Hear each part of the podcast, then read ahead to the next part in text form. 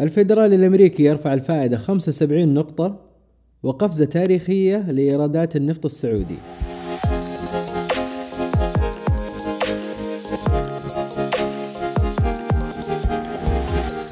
السلام عليكم ورحمة الله وبركاته. هذه النشرة. أقدم لك نياد السليمان فجر كل أحد.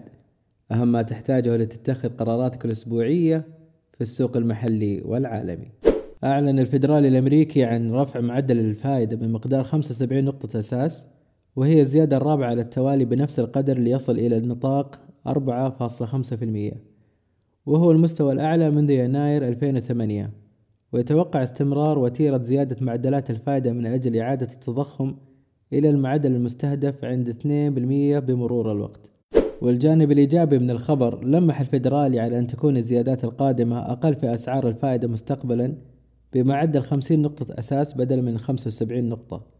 واضح أن الفيدرالي الأمريكي وإن كان لا يظهر ذلك إلا أن التركيز منصب على خفض أسعار الطاقة. الحرب الضروس التي يشنها في سبيل شل حركة الطلب تماما تعطي هذا الانطباع. ويبدو أنه سيذهب لأقصاه ومتوقع كذلك من أوبك بلس نفس الشيء اللي أعلنت سابقا بأنها ستعيد النظر في كمية الإنتاج بشكل دوري على حسب وضع السوق. وكل هذا في سبيل المحافظة على المصالح من الطرفين وهو حق مشروع ولكن صارت على طريقة تكسير العظام وهذا بالتأكيد له تبعات كثيرة وإن شاء الله نخرج منها سالمين.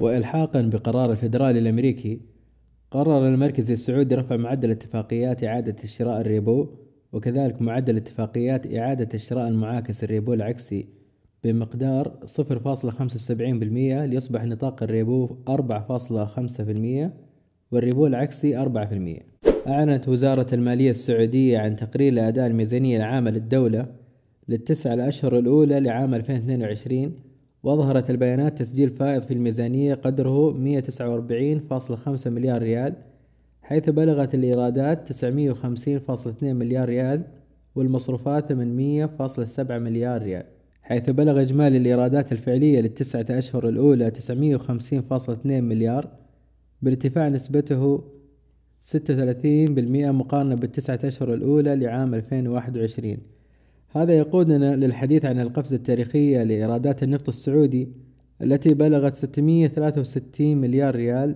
في تسعة أشهر بينما بلغت الإيرادات غير النفطية 287.11 مليار ريال.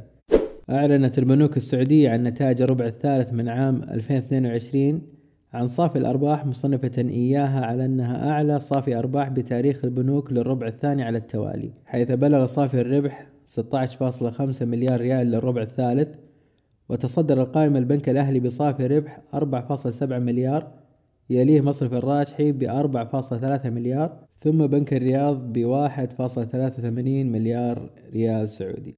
بالتعاون مع فوكس كون صندوق الاستثمارات العامة تطلق شركة سير للسيارات الكهربائية كأول شركة سعودية محلية لإنتاج وتصميم السيارات الكهربائية.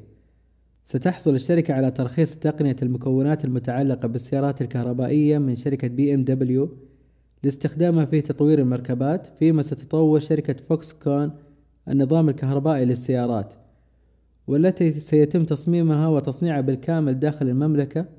وستخضع السيارات لفحص الجودة ومن المقرر أن تكون السيارات متاحة للبيع خلال عام 25 ومن المتوقع أن تجذب سير استثمارات أجنبية مباشرة بقيمة 150 مليون دولار وأن تصل مساهماتها في الناتج المحلي الإجمالي السعودي بشكل مباشر إلى 30 مليار ريال مع توفيرها ل 30 ألف وظيفة بشكل مباشر وغير مباشر بحلول عام 2034 ستعمل سير ضمن استراتيجية صندوق الاستثمارات العامة حيث ستقوم الشركة بتصميم وتصنيع وبيع السيارات الكهربائية المزودة بأنظمة تقنية متقدمة.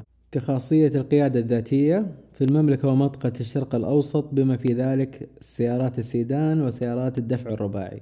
وفيما يخص الاكتتابات سيتم إدراج سهم شركة الحفر في السوق يوم الاثنين غدا إن شاء الله بتذبذب 30% أول ثلاثة أيام. وفي عندنا اكتتاب جديد لشركة أمريكانا في السوق الرئيسية.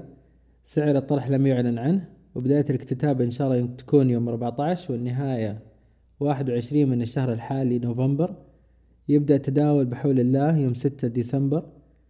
البنوك المستلمة بتكون الأهلي والراجحي الرياض الإنماء والبنك العربي. الاكتتاب الثاني بيكون لكابلات الرياض. سعر الطرح بيتراوح بين تسعة وثلاثين إلى ثلاثة وأربعين ريال.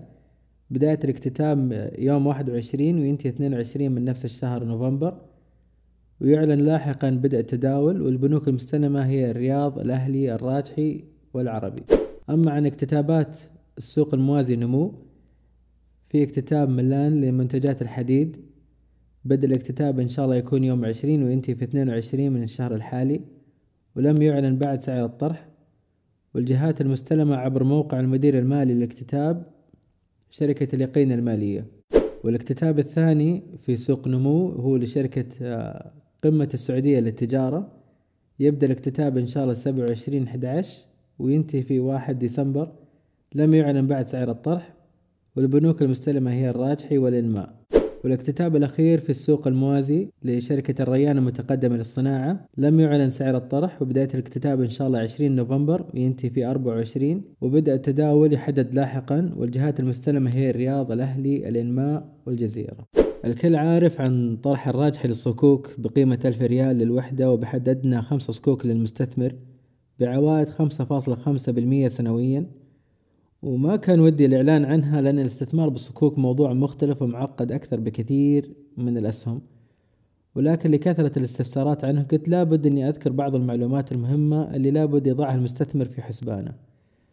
آه، طبعا المعلومية هو ينتهي اكتتابه إن شاء الله يوم عشرة نوفمبر يعني يوم الخميس هذا إن شاء الله. على أي حال الاستثمار في الصكوك فيه صعوبة من ناحية السيولة والمرونة. يعني لو رغبت أنك تبيع فأنت بحاجة لمشتري وهذا أمر بسيط في الأسهم لكن في الصكوك يصعب الموضوع وهذا من شأن التأثير سلبا على سعر الصك.